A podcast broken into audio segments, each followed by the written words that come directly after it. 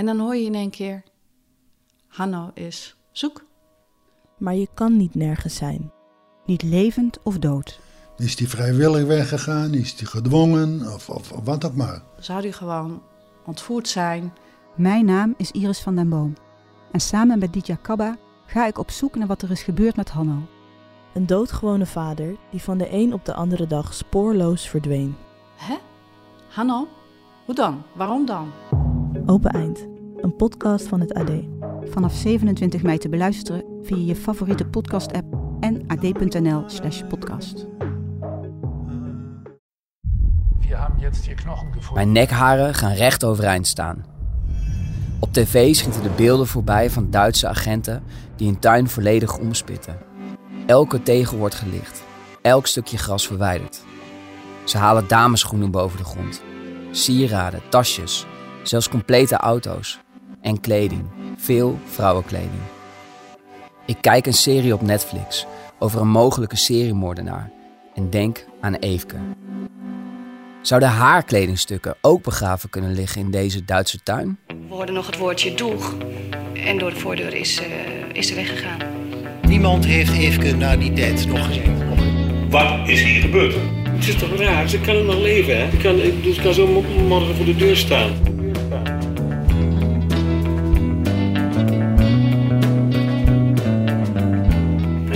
Dat je langzamerhand begon te vertellen dat ze ook best wel een heel ander leven wilde gaan leiden. Ja. Het meest logische lijkt mij dat ze niet zo weggelopen is. Dat ze met iemand, dat, dat denk ik. Met iemand. Met iemand. Dit is Eefke, in rook opgegaan. Een podcast van de Stentor. Aflevering 3, Het verdwenen dossier. In de vorige afleveringen ontdekten we dat Eefke een dagboek bijhield. Misschien wel de enige plek waar ze haar diepste geheimen aan toevertrouwde. In deze aflevering, ik vertel het alvast, zijn we welkom bij het Cold Case Team, waar dat dagboek zou moeten zijn. Ik zeg alvast zou, want het ligt toch wat ingewikkelder. Dat straks. Nu duiken we in een gruwelijk scenario. Kan Eefke slachtoffer zijn van een seriemoordenaar? Precies zes jaar nadat Eefke in Hattem verdwijnt, raakt in het Duitse Lüneberg een vrouw spoorloos. Birgit Meijer. Jarenlang lijkt het alsof ook zij in rook is opgegaan, net zoals Eefke Wolf in 1983. Pas jaren later wordt er een verdachte opgepakt, maar die pleegt zelfmoord in zijn cel. Als zijn woning wordt uitgekampt, worden de botten van Meijer gevonden. En in zijn tuin liggen allerlei damespullen, verstopt onder het zand. Bekleidung. Portemonnaies. Brillen.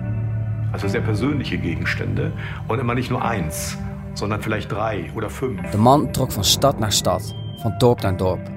Hij reisde vele kilometers. Dus waarom zou hij niet in Hattem hebben toegeslagen? In augustus 1983. Het laat me niet los. Dus ik rijd naar de redactie om mijn gedachten met Pauline te delen. Deze man die maakte dus ook lichamen kwijt in principe. Zij is 30 jaar niet gevonden, die Duitse vrouw. En waarschijnlijk heeft hij nog meer slachtoffers gemaakt waarvan ze niet weten waar die zijn gebleven. Zeker in die tijd, hè, want uh, waarom zou je een lichaam uh, kwijtmaken? Ja.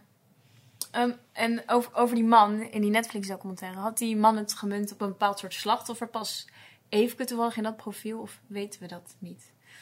Um, ja, dat zou, zou kunnen. Qua tijd kan het. Dus uh, ik zei al, jaren tachtig um, sloeg die toe, maar ook, ook eerder al trouwens.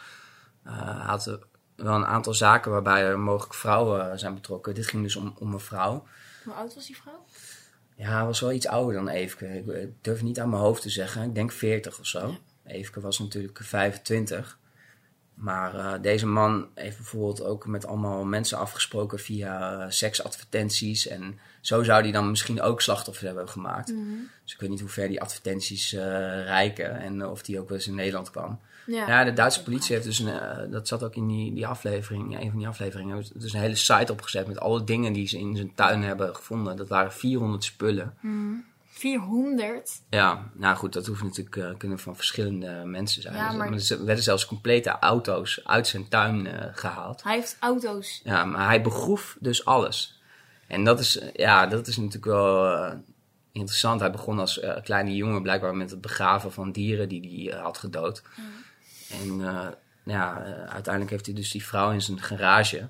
Maar ze hebben zijn hele tuin omgeploegd en daar hebben ze dus geen lichamen aangetroffen. Mm. Alleen maar eh, eh, spullen, waarvan ze een heleboel spullen hebben waarvan ze niet weten van wie die zijn. En eh, ik kan me zo voorstellen, ehm, je hoort wel eens in Amerika of zo, hè, dat, eh, zeg maar, dat seriemoorders daar heel lang eh, hun gang konden gaan, omdat ze gewoon, eh, de ene staat communiceert niet met de andere, weet je wel. En zeker toen, denk ik, eh, was dat minder.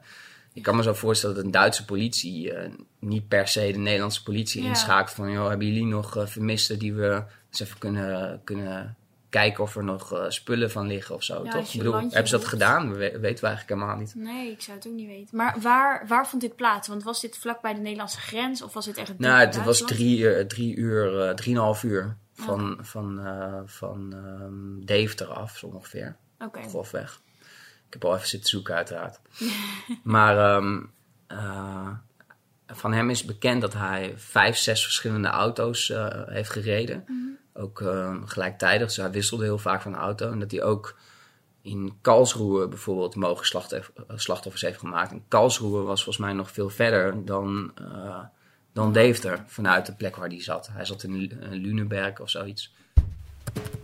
We besluiten de Duitse politie te mailen. Zijn Eefke spullen misschien teruggevonden in Lüneburg? Of staat op de vele routekaarten die de moordenaar bewaarde een route naar dit deel van Nederland? In de mail stellen we onze vragen. Via de mail, want aan de telefoon zou ik alleen maar hakkelen in het Duits. Het duurt niet lang voordat vanuit Duitsland een antwoord komt. Hallo aus der Pressestelle Lüneburg. Ich habe Ihre Anfrage erhalten und möchte gern Ihre Fragen beantworten. Es stimmt, dass Kurt Werner Wichmann viele Kilometer mit verschiedenen Fahrzeugen zurückgelegt hat. Anhand der Karten konnte gut nachvollzogen werden, wo er sich aufgehalten hat. Die Niederlande oder die nähere Umgebung war nicht dabei. Im Jahr 2020 hat tatsächlich ein Abgleich der Oké, aufgefundenen de politie heeft dus actief onderzocht of de spullen in Duitsland gelinkt kunnen worden aan Nederlandse zaken. Bij Eefke helaas zonder resultaat. weiteren Hinweise, dass Kurt Werner Wichmann mit dem Verschwinden von Eefke Wolf in Verbindung stehen könnte. Het geeft in ieder geval aan dat dit scenario is bekeken. Geen aanwijzingen dus voor die Duitse moordenaar. Maar er waren meer seriemoordenaars actief in de jaren 80. Zo blijkt uit een lijst die eenvoudig te vinden is via Google.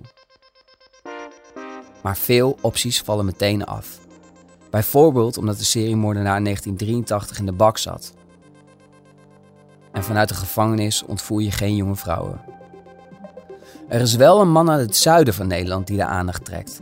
Geen officiële seriemoordenaar, want de man is maar in één zaak veroordeeld. Toch wordt zijn naam aan meerdere verdwenen vrouwen gekoppeld. Zelfs aan de bekende zaak rondom de vermiste Tanja Groen. De zaken lijken wel wat op die van Eefke. Het AD schreef onlangs nog een uitgebreid artikel over de inmiddels overleden Wim S., de vermeende seriemoordenaar over wie ik het dus heb. De schrijvers, die kennen wij. We besluiten één van hen te bellen. Misdaadjournalist Giel Timmermans van het Eindhovens Dagblad. Zijn die zaken te vergelijken? Nee, ja, dat, is ook lastig om te zeggen. Hè? Want je wel ziet, die, die zaken die heel erg aan elkaar gekoppeld zijn. Hè? Waar hij ook de laatste is die, eh, die vrouw heeft gezien. Dat speelt allemaal in dezelfde regio. Regio Eindhoven, Helmond. Ehm, maar toen hij eenmaal in, een, in de gevangenis zat opgebiecht dat hij eh, mogelijk elf vrouwen had vermoord. Ja, toen, toen ging de geruchtenmachine kwam op gang. Ja, dan wordt er bijvoorbeeld gezegd, ja, eh, hij stond heel, veel op de, heel vaak op de camping in, in Zuid-Limburg. Of hij stond ook op de camping in, in Drenthe of Overijssel. Ja, en dan werden ook vrouwen die daar in de buurt verdwenen, werden ook weer gekoppeld aan, eh, aan WMS. Ja, in hoeverre dat realistisch is, ja, daar vraag ik me af. Daar hebben wij ook geen vinger achter kunnen krijgen. Maar het is wel zo dat er op een gegeven moment allerlei vrouwen aan hem gekoppeld werden. Ja, en weten jullie hoe hij eh, zeg maar die slachtoffers eh, leerde kennen? Of, eh, of leerde ze niet kennen? Of hoe, ging dat? Ehm, nou ja, goed. eh, eh, de vrouw die die vermoord heeft, waar hij voor is, Rinja, dat was een ex-collega van hem. Daar werkte hij mee samen in de snackfabriek. Ehm, nou ja, eh, verder had zij... Hij, hij, had, was eigenlijk iemand die elke keer verschillende baantjes had. Hè? Een beetje van de 12 of 18, 13 ongelukken. Ehm, en hij heeft ook een periode dat hij loodgieter was, dus toen kwam hij bij vrouwen thuis. Uh, zo gaat ook het verhaal rond de vrouw die in de jaren 60 is verdwenen. En dan zou hij daar als laatste in huis zijn geweest, omdat hij daar een klusje moest uh, plegen. Um, nou ja, hij zou ook uh, op die manier vaak in huis komen waar hij vervolgens inbrak. Want hij was soms vooral bekend als een notoire inbreker. Um, nou ja, en dan kwam hij natuurlijk ook met vrouwen in contact als hij daar over de vloer kwam. Hè. Dus dat wordt een beetje gezien als de modus operandi. Um, dat tegelijkertijd is daar niks van bewezen, want uiteindelijk is hij alleen voor één moord. Ja. ja, dat meisje uit zijn eigen dorp, ja, dat, dat leer ik toevallig kennen omdat het in de buurt woonde. Ja. We moeten eerlijk zijn. De kans dat S helemaal in Hattem heeft toegeslagen is minimaal. Wat had hij daar te zoeken? Daar komt bij dat Eefke niet echt een vrouw lijkt die zomaar bij een onbekende in de auto stapt. Daar was ze te schuchter voor. Ja, er blijft altijd een mogelijkheid dat er een onbekende dader is geweest. Iemand die razendsnel heeft gehandeld en Eefke misschien wel met een wapen heeft gedwongen mee te gaan. Maar geen van de feiten wijst in die richting. Ga maar na. Hoe had een seriemoordenaar zonder ook maar één spoor achter te laten Eefke mee moeten nemen? Pal voor de deur van haar werk. Zeker als je weet dat Eefke iedere avond alleen op de brommer door een donker bos naar huis reed. Als je als seriemoordenaar iets zou willen, dan lag daar, in het bos, de mogelijkheid. Niet voor de deur van een pand waarin tientallen mensen wonen.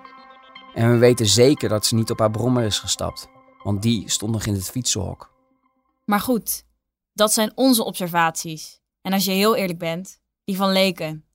Wat denkt een deskundige ervan? We gaan langs bij oud-rechercheur Dick Gooseweer, die zich al tientallen jaren bezighoudt met cold case zaken. Kijk, in theorie kan alles, maar de kans dat iemand s'avonds een onbekende in een fietshok van een bedrijf gaat staan, in de hoop dat er een, eh, een vrouwtje om 11 uur naar huis gaat, is niet zo heel uh, groot. Ja, en, uh, ja want het fietshok ligt natuurlijk ook niet uh, aan een openbare weg. Ja. Het ligt nog op het terrein zelf. Een beetje verscholen. Nee, maar, maar goed, kijk, je kan op een gegeven moment een fietshok gaan opzoeken om fietsen te jatten. Maar dat is nog iets anders dan dat je fietshok opzoekt om iemand te gaan opwachten. Want wie komt er dan? Daar heb je dan geen idee van. Ja. Nee. werken er daar alleen vrouwen? Dat moet je dan wel weten. Of er alleen vrouwen werken. Of, dat die, alleen, of die avond alleen vrouwen werken. Dat lijkt me niet zo waarschijnlijk. Nee. nee. Oké, okay. Dick Gooseweer komt tot dezelfde conclusie als wij. Een seriemoordenaar, het is hoogst onwaarschijnlijk. Tenzij. Tenzij haar brommer niet werkte en ze is gaan lopen. Misschien wel een lift heeft geaccepteerd. Zou de politie hebben gecheckt of de brommer werkte? De politie. Daar zouden we nog op terugkomen. Misschien weet je nog dat we mailden met het cold case team van de politie Oost-Nederland. Nou, dat had succes. Of in ieder geval deels succes. Want ze antwoorden en ze willen met ons in gesprek. Eén nadeel. Ze geven meteen aan dat ze niet diep op de zaak in kunnen gaan. Omdat het nog een lopend onderzoek is. Pas als er een dader of lijk wordt gevonden, is het verjaard. Maar zolang Eefke nog vermist is, blijft de zaak open. Maar we mogen langskomen. Pauline en ik vertrekken zonder al te hoge verwachtingen naar Ede. Het zal een gesprek worden dat al onze verwachtingen overtreft. We horen veel. Ook over het dagboek. Maar voordat we plaatsnemen in een iets te grote vergaderzaal om de twee rechercheurs van het cold case team te bevragen, nemen ze ons mee over de afdeling. Nou, dit is de cold case afdeling voor uh, heel Oost-Nederland. Uh, daar op de grote kamer zitten de, de tactische rechercheurs. We hebben een forensische kamer. We hebben een kamer waarin we alle dossiers digitaliseren. En daar verder hebben we ook nog uh, alle dossiers hier. Uh, nou, die proberen we hier allemaal uh, op te slaan, zodat we alles dicht bij de hand hebben. Dat is daar of niet? Ja, en we hebben nog een kamer voor de, voor de teamleiding. dus ja, bijna de hele verdieping is voor ons. En u zit hier? Ja, ik ja. zit hier op deze grote kamer. Ja. En maar alle dossiers liggen dus hier van Oost-Nederland. Ja, als we iets verder lopen, ja. dan kun je wel een inkijkje krijgen. In, in de dossiers. Volgens mij zit er één, één ruimte met wat glas. En ze kunnen stiekem even door de. Dit is uh, de forensische kamer, daar zitten de forensische regisseurs. Hier zitten de mensen die uh, de prioritering doen uh, van de zaken. Dus die bepalen een beetje welke onderzoeken we wel en niet meteen oppakken. Of tips wel of niet. Die doen een beetje de weging. En hier is een deel van het dossier. We hebben meerdere ruimtes, maar deze heeft in ieder geval, kun je Oh ja. een deel zien staan. Dit is een grote archiefkamer. Ja, en zo hebben we enkele ruimtes hier op de afdeling waar, uh, waar het archief is... Als we door de- dat raampje kijken, dan zien we een, heleboel archieven. Ja, een heleboel. Staat ja. Eefke hier ook eh, tussen? Eh, ja, dat wat we hebben. Ja. Ja. We hebben afgesproken met Miranda Baas en Ferdinand Schellinghout. Al jaren werken zij aan grote vermissingszaken. Een van de belangrijkste vragen die we hebben is de vraag of de brommer van Eefke werkte. Stel dat dit niet zo was, dan is ze misschien wel gaan lopen of heeft ze een lift gehad. Gaat de politie die vraag beantwoorden? Oké, en eh, is toen ook meteen bijvoorbeeld onderzoek eh, gedaan naar, naar die bromfiets? Want je vraagt natuurlijk af, eh, deed hij het of niet? Omdat kan natuurlijk eh, het hele verloop van die avond eh, veranderen. Is, Ja. is daar iets over bekend? De bromfiets is inderdaad achtergebleven. En eh, ja, die was gewoon werkzaam, dus die kon je gewoon starten. Aha, dat zou dus een belangrijke reden kunnen zijn om niet uit te gaan van een vrijwillig vertrek. Want als ze zelf de wijde wereld in had willen gaan, dan had ze toch in ieder geval voor het eerste stuk haar brommetje gepakt. Nou, ik denk dat wij in eh, alle scenario's opengehouden hebben. Dus als, ja, als, je, als je uitgaat dat iemand is overleden, dan heb je vier scenario's. Dat is zelfdoding, dus ongeval, eh, natuurlijk overlijden en een misdrijf. Nou ja, bij vermissing heb je natuurlijk nog het verschil tussen vrijwillige verdwijning en onvrijwillige verdwijning. Ja, vrijwillig kan nog steeds. Hè, als je wil, kun je van de aardbodem verdwijnen. Het is moeilijk, maar het kan. Dus dat, dat moeten we ook nog steeds open houden. En je hebt natuurlijk dat mensen eh, moedwillig eh, eh, door, door een misdrijf ontvoerd zijn en, en misschien nog ergens in de kelder zitten. Dat gebeurt ook. Of dat ze meteen vermoord is, of dat ze toch zelfmoord heeft gepleegd. Alleen als je uitgaat van zelfdoding, ja, dan mag je er bijna van uitgaan dat je het lichaam wel gevonden zou hebben. Maar ook daar hebben we al vermissingen van dat we daarvan uitgaan en dat we de lichamen ook echt pas twintig jaar later vinden. Dus in dit geval moeten we alle opties gewoon open houden.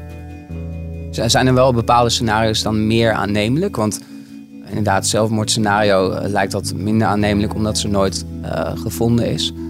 Ehm, een vrijwillig vertrek zou je misschien ook kunnen denken van waarom staat daar eh bromfietsen nog bijvoorbeeld, noem maar.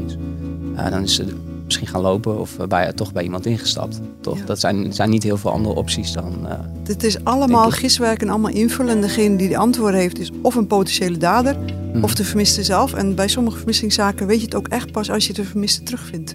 Dus ja, we kunnen wel zeggen meer dit, meer dat. Maar het is gebaseerd op gevoel. ja.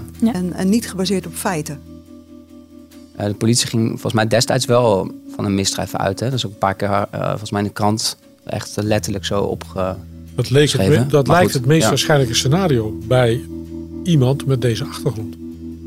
Eh, en het grote verschil is, als jij uitgaat van een misdrijf, kun je bevoegdheden inzetten in strafrecht en strafvordering. Dus dan kun je ook verder kijken dan alleen maar met iemand in gesprek gaan.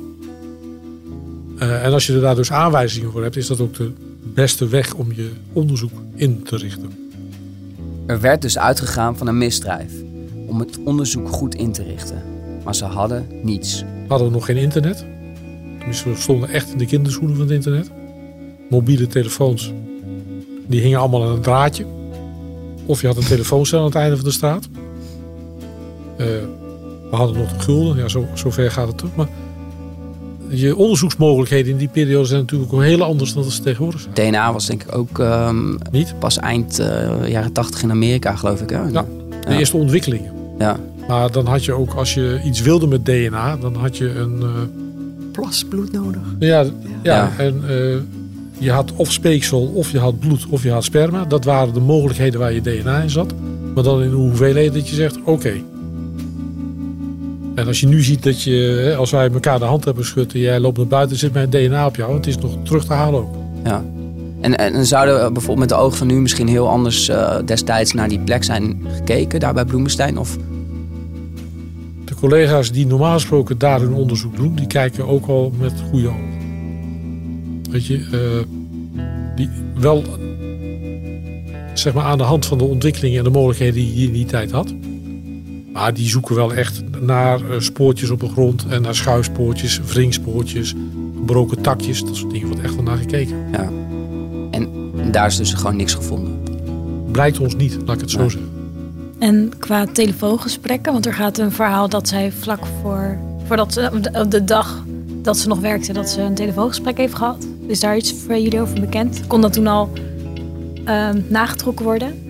het kon wel nagetrokken worden, maar we konden uit het dossier konden we dit niet. Maar het kan ook zijn dat we dat stuk dus kwijt zijn. Ja.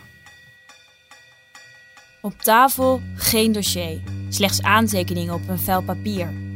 Waar is dat dossier? En waar is het dagboek? Ligt het inderdaad in die kamer waar we net lang zijn gewandeld?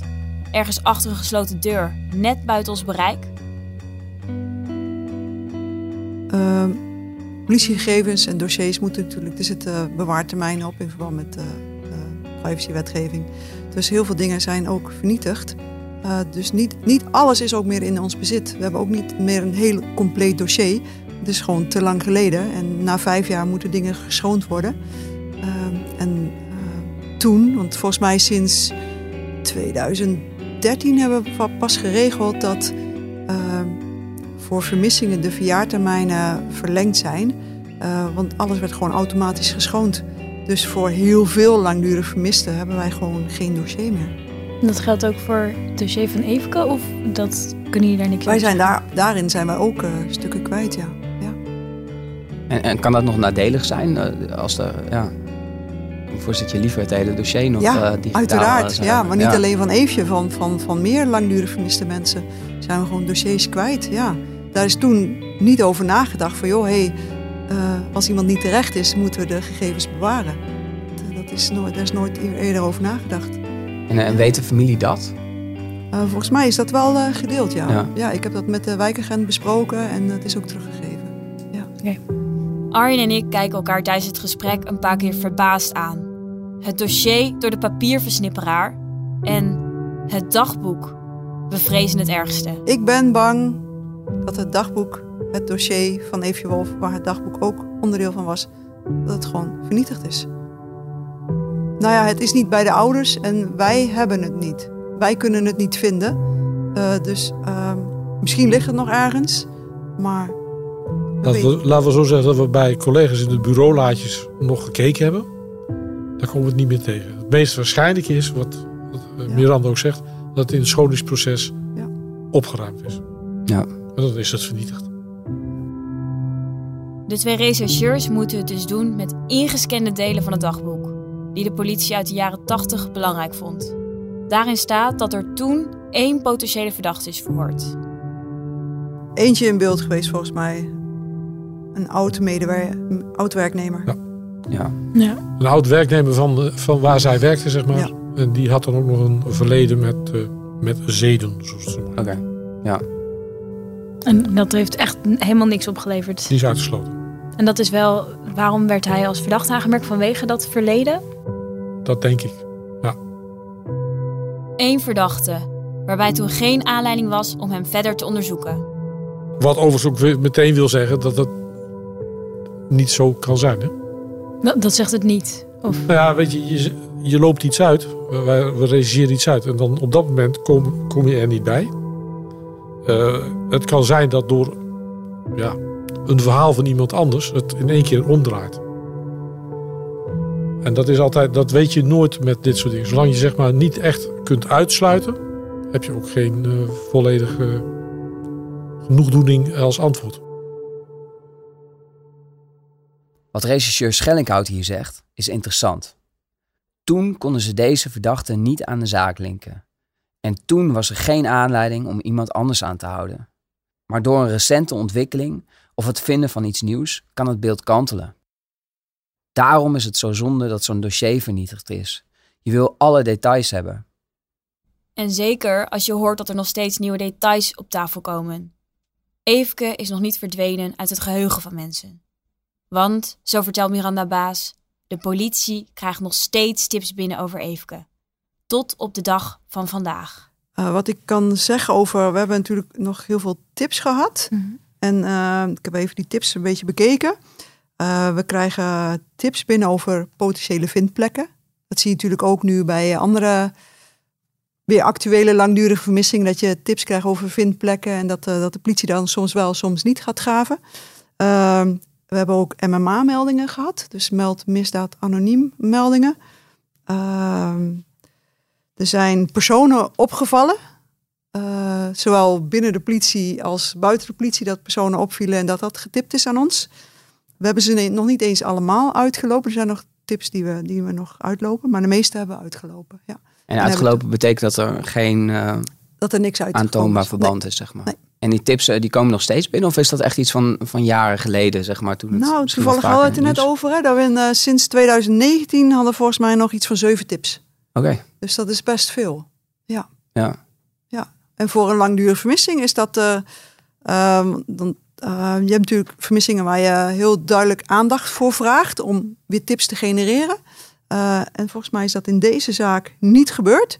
Dus dat is best bijzonder, zoveel tips. Ja, niet bewust door ons. Het zou kunnen zijn dat er in de omgeving waar zij ja. woont wel aandacht is geweest. Ja, vanuit de media. En dat dat mm. weer iets oplevert. Want ja. dat zien we wel. Hè. Op het moment dat we ook zelf bewust iets zoeken of we zien berichten in de media, dan wordt er wel getipt. Dus zo werkt het wel. Er zijn vaker oplevingen geweest in de zaak Eefke Wolf. Momenten waarop nabestaanden een sprankje hoop moeten hebben gehad. Om vervolgens die hoop weer volledig kwijt te raken. Eén moment is groot in het nieuws geweest. Dat was in 2008. Bij de redactie van Tros Vermist komt een opvallende tip binnen. Een tip die zal leiden tot graafwerkzaamheden. De politie gaat na 25 jaar na haar vermissing graven naar het lichaam van Eefke Wolf uit Wezep. En dat naar aanleiding van onze reportage van vorige keer, waarin een tipgever de plek aanwees waar Eefke mogelijk begraven ligt. Er wordt niets gevonden. En dan is er nog die keer dat er botten worden gevonden bij een huis in Wezep. Heel Wezep in rep en roer. Zoals bij elke verdachte vondst valt meteen de naam Eefke. Het zit in het collectieve geheugen van Wezep en omstreken. Maar nu is de ophef compleet, want de bordjes liggen nota bene in de tuin van een ver familielid van Eefke. 1 en 1 lijkt 2. Maar toch niet. De bordjes worden onderzocht door de politie. Het blijken kippenbordjes. Zo zijn er nog meer verhalen. Telkens dezelfde afloop.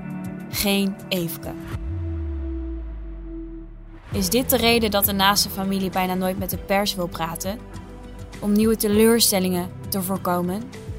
Maar aan de andere kant, als tussen nieuwe tips uiteindelijk toch iets bruikbaars zit, dat is telkens een heel persoonlijke afweging, weten de twee rechercheurs van het Cold Case team. Zij stonden meerdere families van langdurig vermisten bij. Sommige mensen blijven gewoon zoeken, blijven bezig. Omdat hè, als de politie klaar is met het onderzoek, alleen nog hè, omdat de media vragen heeft of dat er tips binnenkomen of nou ja, dat soort dingen. Als er nog een aanleiding is om met de zaak bezig te gaan. Maar voor de rest hebben we alles uitgelopen, dan stopt het voor ons. Ja, en zo'n familie die denkt, ja, maar als de politie niks meer doet en wij doen niks meer, wie doet er dan nog wat? Nou, en dan zie je dus dat dat een drijfveer kan zijn voor heel veel achterblijvers om toch door te gaan, want het voelt niet goed om te stoppen. En andere mensen die denken van ja, maar ja, ik moet ook proberen door te leven, want ik heb nog meer kinderen. Snap je? Dus dat is zo'n persoonlijke afweging. Daarin kunnen we niet zeggen, uh, zo gaat het. Dat is voor iedereen is dat persoonlijk. En ik heb vorig jaar december, nee januari, heb ik nog een, een, een gesprek gehad met achterblijvers van iemand die we na ruim 31 jaar hebben teruggevonden. Uh, die hebben we als, als overleden persoon teruggevonden in het buitenland. En als je dan ziet, ben daar drie uur geweest, wat de emoties nog zijn. Omdat er dan eindelijk duidelijkheid is. En je ziet soms ook wel tweedeling in de familie. Uh, dat de ene deel van de familie zegt van nou weet je, het is voor mij goed. Ik, ik ga verder met mijn leven. En een ander deel van de familie zegt ik wil de onderste steen boven hebben. Die blijft doorgaan. En dat je ook ziet dat er binnen een, een, een familie, binnen een gezin gewoon uh, strijd ontstaat van hey, hoe, ja, voor iedereen is dat persoonlijk. Dus het doet heel erg veel met mensen. We vertrekken met veel nieuwe informatie. Schokkende ook. Een dossier en een dagboek weg. En de brommer deed het nog. In onze mailbox verschijnt een nieuw bericht van de heer J. Wolf, de broer van de Eefke. De man aan wie we de brief hebben overhandigd. De zenuwen slaan toe. Gooit hij definitief de deur dicht? Om te beginnen wil ik jullie complimenteren met jullie aanpak. Een handgeschreven brief met een inhoud waar duidelijk over na is gedacht en aandacht aan is besteed kan ik erg waarderen. Natuurlijk heb ik, samen met mijn vrouw, al nagedacht over wat we wel en niet willen. Spreken in de podcast is niks voor ons.